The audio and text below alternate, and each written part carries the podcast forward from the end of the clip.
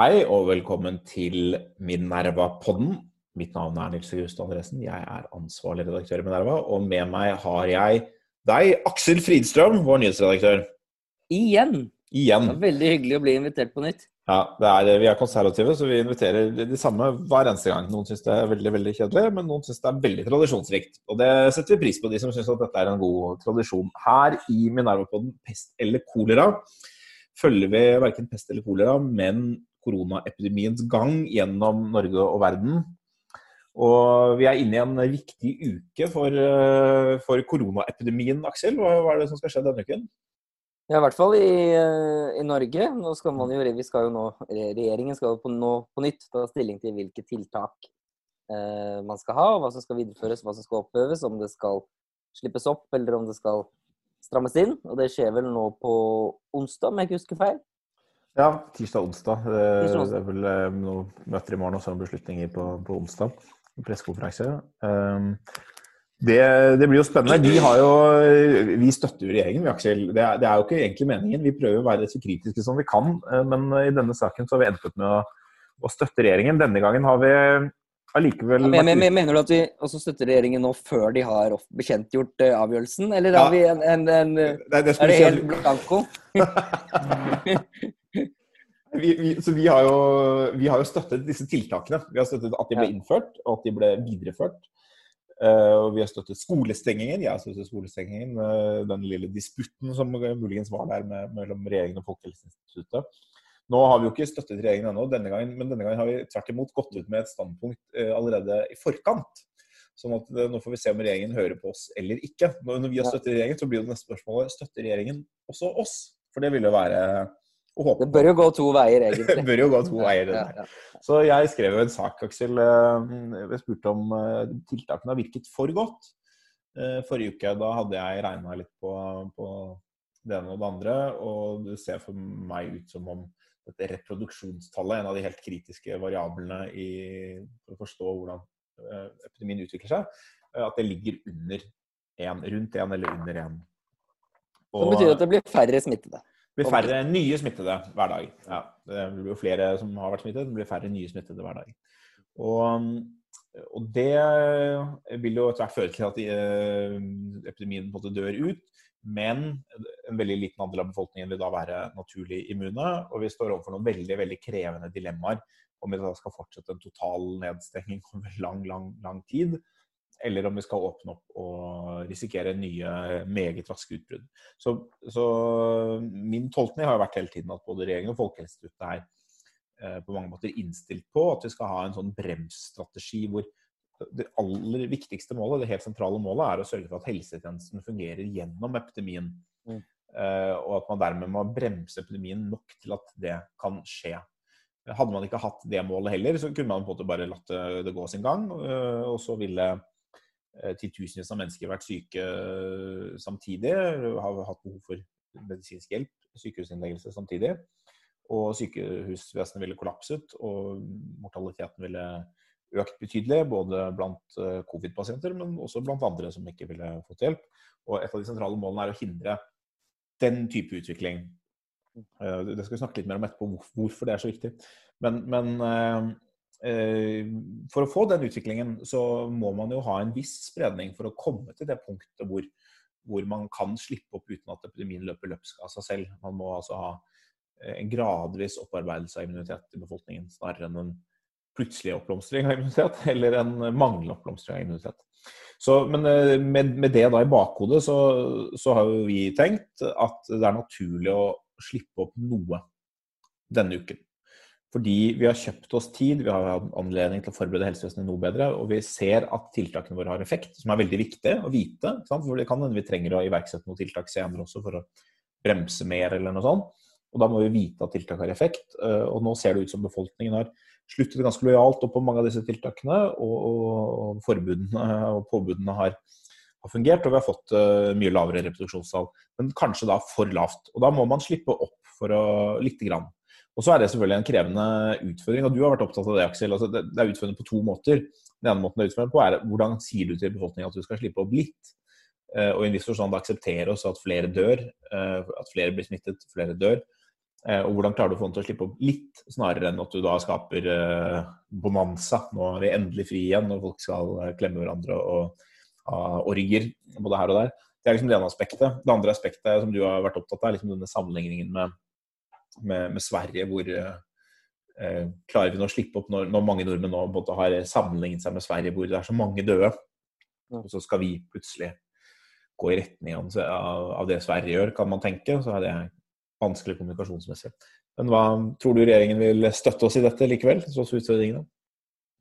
Jeg vil nok tro at regjeringen kommer til å, å slippe opp litt. Men jeg, jeg, er ikke 100 sikker på at det er det de vil gjøre. Men jeg tror at de vil, det vil skje, og at jeg tror at det, litt av grunnen til det er at man nå øh, har mulighet for å gjøre en del ganske sånn lokale tiltak. Altså man, jo, man ser jo at det er i Oslo og Viken-området at det er mest mulig smitte, så der kan man ha strengere tiltak enn ellers deler av landet. Og så har du mulighet til å slippe opp i andre deler av landet, f.eks.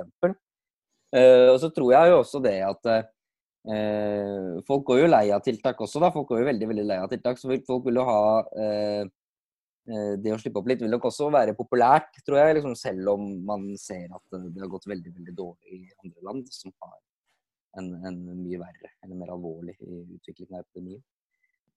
Så jeg tror at det er mulig, men det er det er jo en kommunikasjonsmessig utfordring. for Inntil nylig så sa jo regjeringen at de vil slå ned viruset. Liksom, og Det er jo veldig tett forbundet med den undertrykkstrategien at viruset skal bli helt borte. og Da må man jo i så fall bety i hvert fall Måten de kommuniserer om på dette, vil jo da liksom uh, være litt annerledes. Ja, det tror du? Nei, jeg tror også de slipper opp uh, litt. Uh, litt fordi det har litt grann, uh, de signalene som nærmest har kommet Bent Høie var i debatten og sa vel, og sitere etter hukommelsen, at man kan ikke ha denne type tiltak liksom udefinert lengde. og det sa Nakstad også, Norges nye fungerende, fungerende assisterende helsedirektør, som har blitt en populær mediefigur eh, i det siste sa omtrent noe, noe sånn. At vi kan ikke ha disse tiltakene hele tiden. Og Det indikerer jo på den ene side at man da eh, allerede har eh, kanskje fått noen signaler om at tiltakene har vært veldig effektive. Kanskje mer effektive enn det som var nødvendig for å nå denne bremsstrategien. Det var ikke åpenbart at de skulle være det, men, det kan virke som det, er det som har skjedd. og på en måte at man også ser, og sikkert visste også helt fra begynnelsen, at Eh, de økonomiske og sosiale omkostningene av å ha denne type tiltak er veldig veldig store. Man kan ikke ha det, kan ikke ha det hele tiden. og Det man gjorde, var at man kjøpte seg tid til å innhente kunnskap. Man var inne i en veldig rask spredning. Eh, Folkehelseinstituttet har selv eh, antydet at man tror det har ligget på 2,4, dette reproduksjonstallet, som ville innebære en mer eller mindre helt ukontrollert og veldig rask spredning. Eh, så man var helt avhengig av å bremse det, og så visste man ikke hvor sterke tiltakene måtte være for å nå de målene man kunne ha. Så man, man iverksatte det man hadde av tiltak, mer eller mindre. Selvfølgelig innenfor noen, noen, rammer, men man iverksatte veldig mange tiltak for å være sikker på at man fikk effekt. Og så har man fått effekt, og da tror jeg det er naturlig at man, man slipper litt opp. Men det, kan, det, kommer uansett helt sikkert til å bli omdiskutert. Det er jo mange, både i helsevesenet og ellers, som eh, er eh, mentalt innstilt på en sånn slå ned-strategi.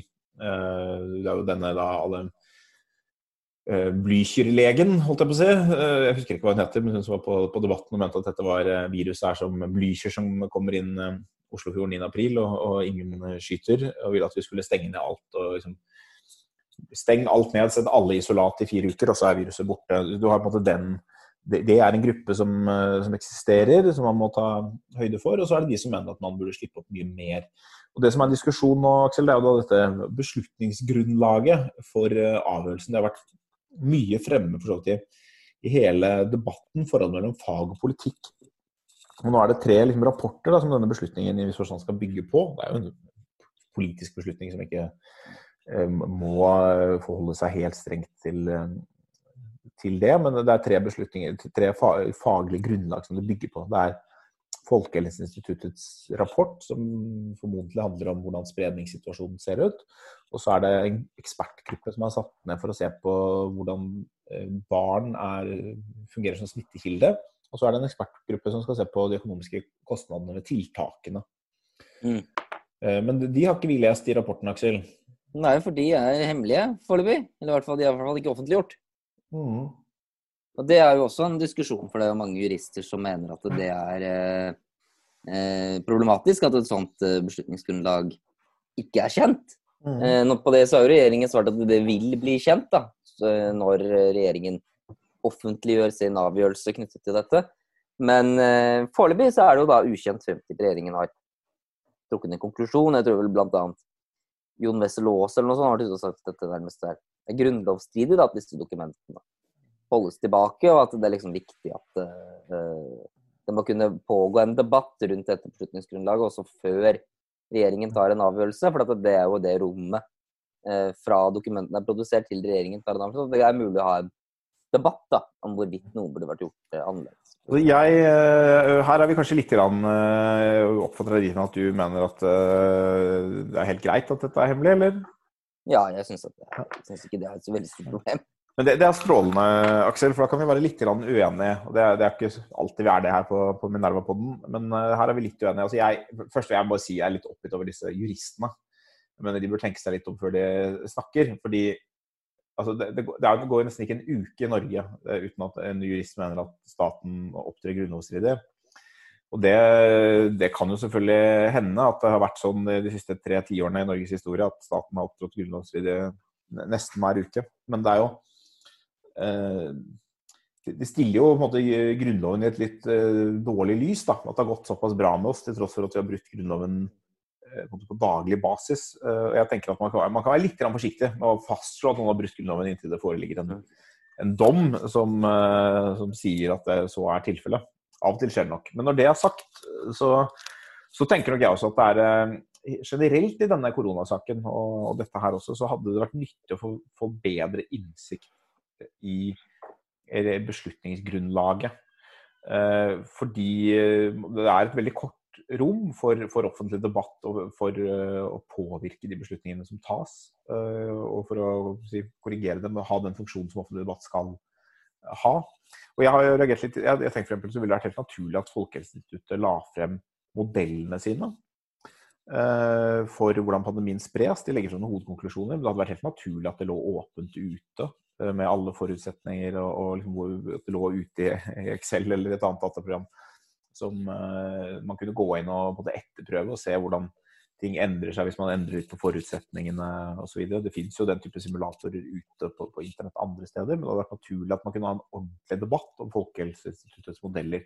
Er disse modellene de beste? For eksempel, for de er såpass viktige for, for, eh, for, de beslutningene som tas, i hvert fall for de rådene som gis fra Folkehelseinstituttets side. Jeg tror kanskje at En av grunnene til at de ikke har så kjempelyst til å vise det frem, er dels at det er veldig mye usikkerhet.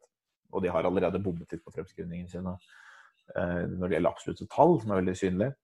Eh, og dels at man, man, vil jo da se at hvis du varierer litt på input, eh, hva du tror om de ulike parameterne, så kan resultatet bli veldig annerledes.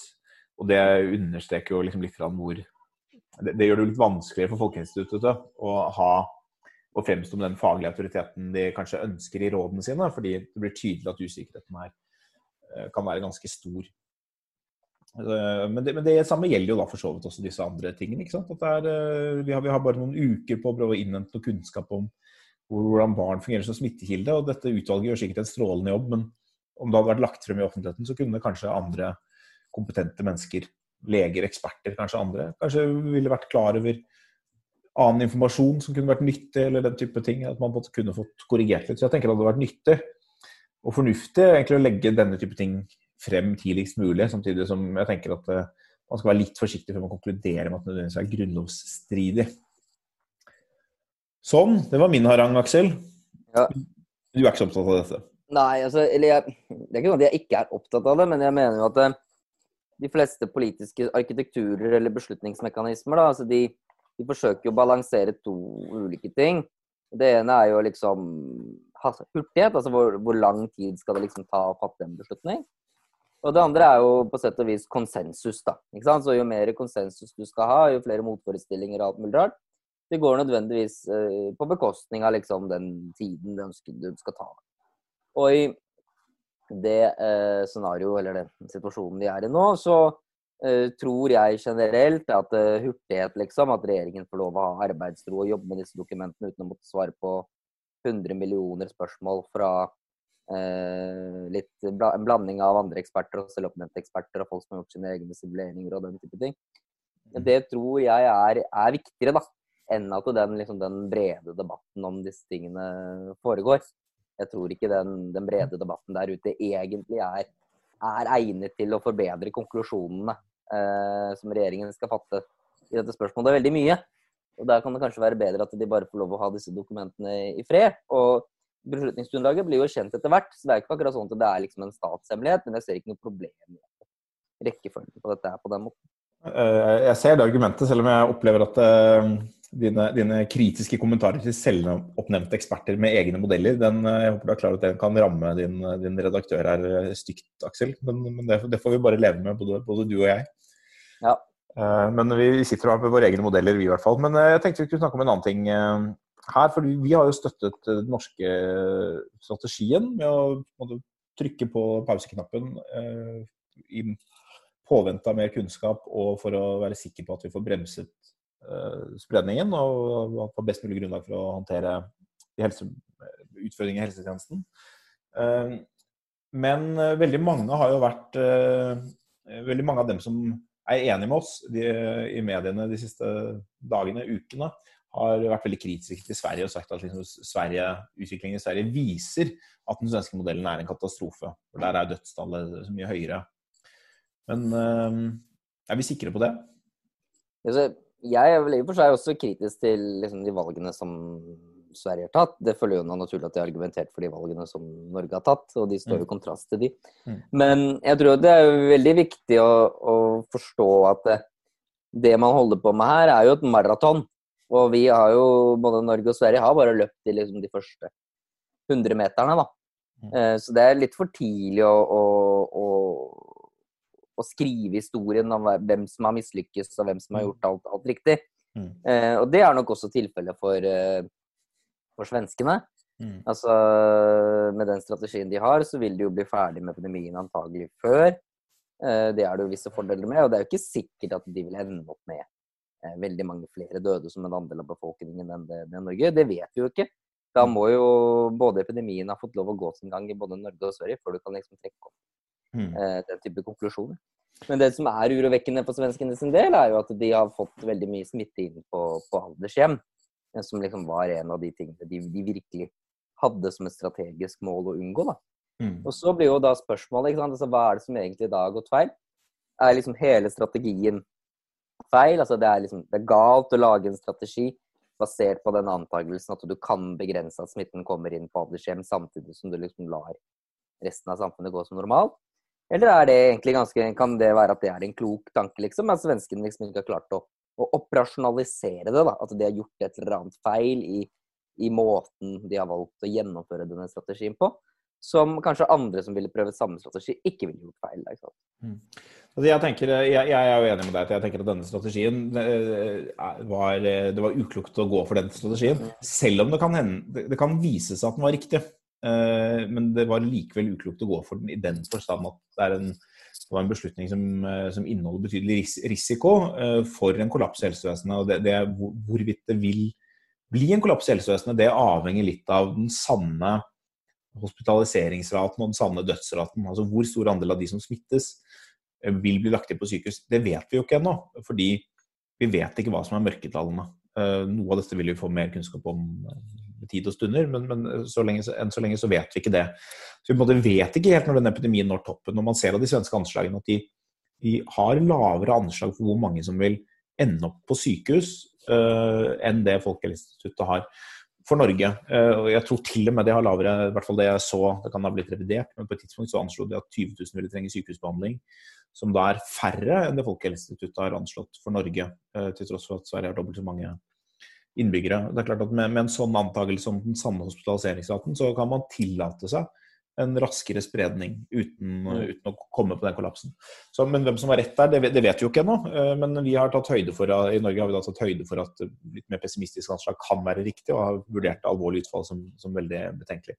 Men det er en annen grunn til at jeg mener at det er litt sånn tidlig å, å si så mye om den svenske strategien. og Det er at eh, det er egentlig litt for tidlig å, å være, være, sikker på hvordan de svenske tiltakene har virket. Altså fordi denne, denne, veldig raske veksten i dødsfall i Sverige fra 18.-19. mars og frem til ja, Nå har det vært stagnert litt i helgen, men det kan være rapporteringsmessige grunner til det. Men frem til nå begynnelsen av april. Den må jo ha sin bakgrunn i, i smitte som skjedde før de norske tiltakene ble iverksatt, og i hvert fall før de svenske som kom litt senere. Så det har, det har vært noe som har vært annerledes i Sverige før tiltakene. Man kan jo kanskje knytte det til Eh, hvordan politikere har kommunisert eller andre ting. Men det kan også ha bakgrunn i andre forhold. altså Omfanget av importert smitte eller andre samværsformer eh, som har ført til eh, et høyere reproduksjonstall i Sverige. Eller såkalte superspredere. Så det kan vært litt sånn tilfeldigheter at noen har, har spredt smitte til ekstremt mange mennesker. Enten pga. spesielle si, biologiske forhold eller pga. særegen atferd. Så det er mange, Vi vet ikke helt liksom hva som er situasjonen i Sverige, hva som er effekten av de svenske tiltakene. Det vil vi nok få vite mye mer om den neste uken. Da vil vi få se om, om dødstallene fortsetter å stige. og Det er liksom åpenbart at de er inne i et sånt et forsøk på bremsescenario, så man ser hvor godt de lykkes i å bremse. Uh, om, de, om, de, da ikke lykkes i å bremse så veldig godt og har et ganske høyt reproduksjonstall, så vil jo risikoen for overbelastning i helsevesenet være uh, ganske store. Nå ser jeg så at han uh, tidligere sjefsepidemiologen i Sverige, som nå er i et EU-organ for, for, det samme, tror jeg. Eh, han uttalte jo i, i, går vel at han regnet med at epidemien ville nå toppen om tre uker. Det er i så fall konsistent da, med at svenskene har et mer optimistisk anslag på måte, hvor raskt dette går, og hvor få som blir innlagt. Eh, det, det blir spennende å se om, eh, om, det faktisk når toppen om tre uker med de svenske, med gitt de svenske tiltakene som eh, er på plass nå, og, og hvor store problemer som eventuelt skapes da, i mellomtiden og etterpå. Så det får vi, Alt dette kan vi komme tilbake til eh, om et par uker, for da vet vi mye mer av fasit. så det, det gleder vi oss til.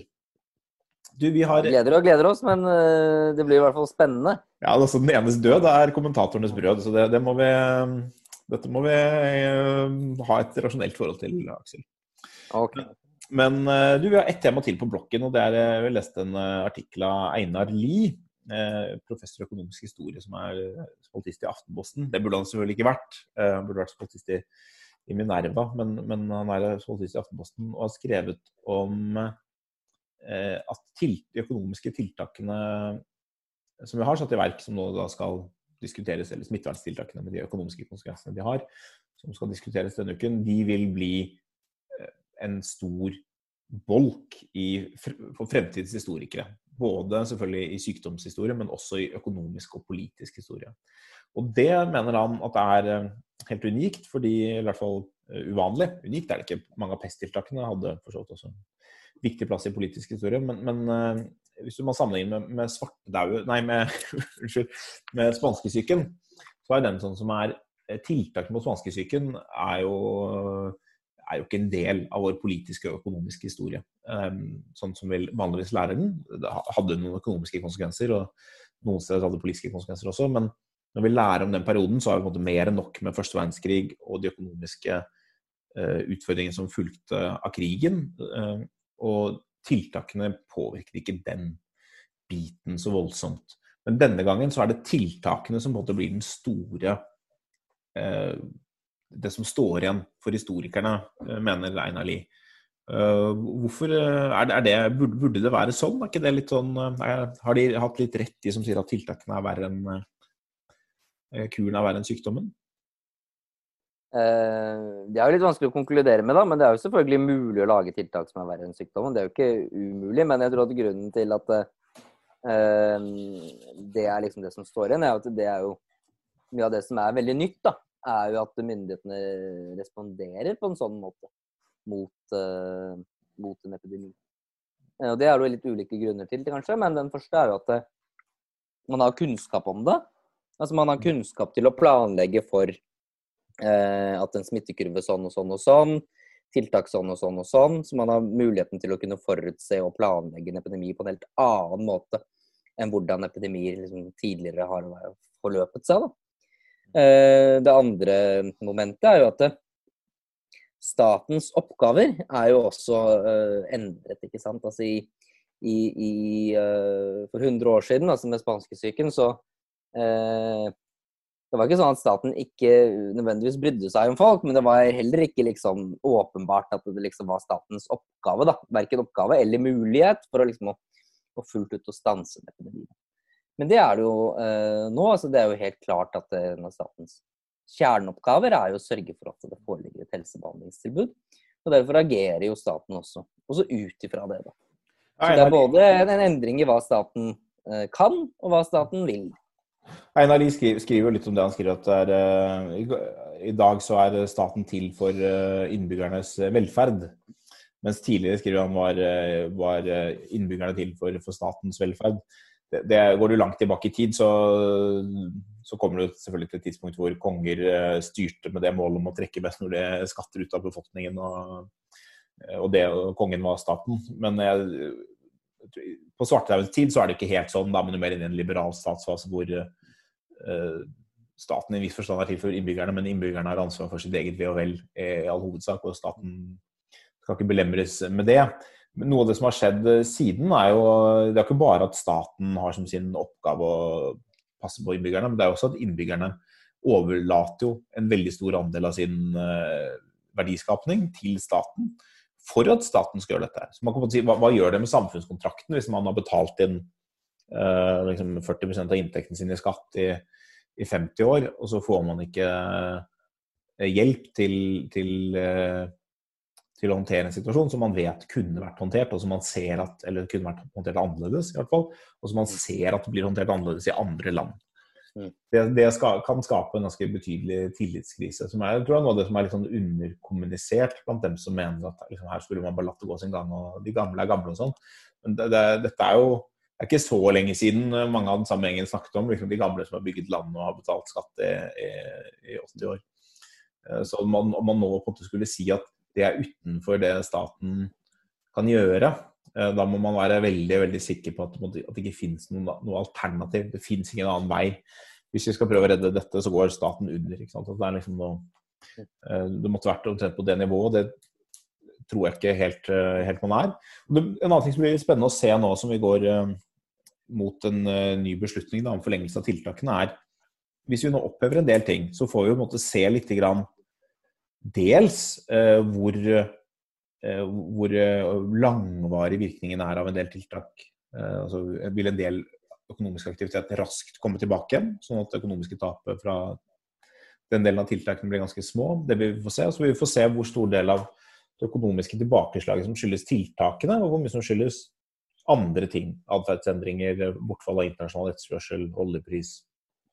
Det er de tingene som du har vært innom eh, i en god artikkel om dette temaet hos oss, eh, Aksel. Det får vi også, hvis det kommer lettelser, så vil vi få se litt hvordan det egentlig eh, slår ut. Jeg ville ikke vært sånn kjempeoptimistisk om at liksom, norsk økonomi liksom uh, blomstrer opp igjen. liksom Trenger som en sånn løvetann opp gjennom asfalten, bare man letter opp på disse, disse tiltakene, for å være ærlig. Men jeg tror det er jo Det er jo ikke bare økonomiske verdier som man skal måles her. Det er jo også folks reelt altså, opplevde frihetsfølelse, da. Har jo også en, altså, en, en ikke en, Det er jo en konsekvens som det ikke er så lett å, å verdsette, selvfølgelig. Ja, det, uh, det, jo, det, gjør jo en del, det gjør jo mye med både frihetsfølelsen og andre følelser òg. Altså det, det, er jo en fryktfølelse i befolkningen. Jeg vet ikke om den kan tilskrives bare tiltakene akkurat. Men uh, den frykten man har for å smittes og smitte andre, det, det, former hvordan vi omgås. Og da kan jeg fortelle deg noe du ikke vet, Aksel, at det kommer en, veldig snart en liten uh, kommentarsnutt om akkurat det temaet på minervanet.no. Av alle aviser?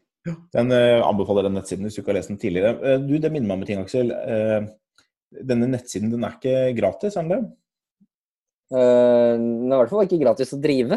Nei, men det er faktisk nesten gratis, er nesten gratis å lese for tiden. Hva, hva, skyldes egentlig det? Nei, Det skyldes at vi har en kampanje. Og det er jo fordi at man ønsker at stoffet skal kunne være tilgjengelig i denne krisens tid. Så da er det mulig å ta inn et prøveabonnement på Minerva for kun én krone for en måned. Ja, det er et tilbud som er Det er for godt til Det er, det er for dumt å ikke slå til. Eh, jeg håper ikke noen av lytterne våre går i den fella. Det er ikke, det er ikke et sted man ønsker å, å havne. Men uh, da får dere lese mer på Minerva. Vi er ferdig for i dag, men vi kommer tilbake senere i uka. Jobber gjennom påsken og helligdagene og alt sammen, Aksel. Gjør vi det? Ja, det var hyggelig. Jeg trodde du skulle ta opp det i medarbeidersamtale, men det kommer da på podkast. Ja, men det er bra. Vi får se. Vi kommer kanskje, kanskje tilbake senere i uken. God ja, okay. Hei.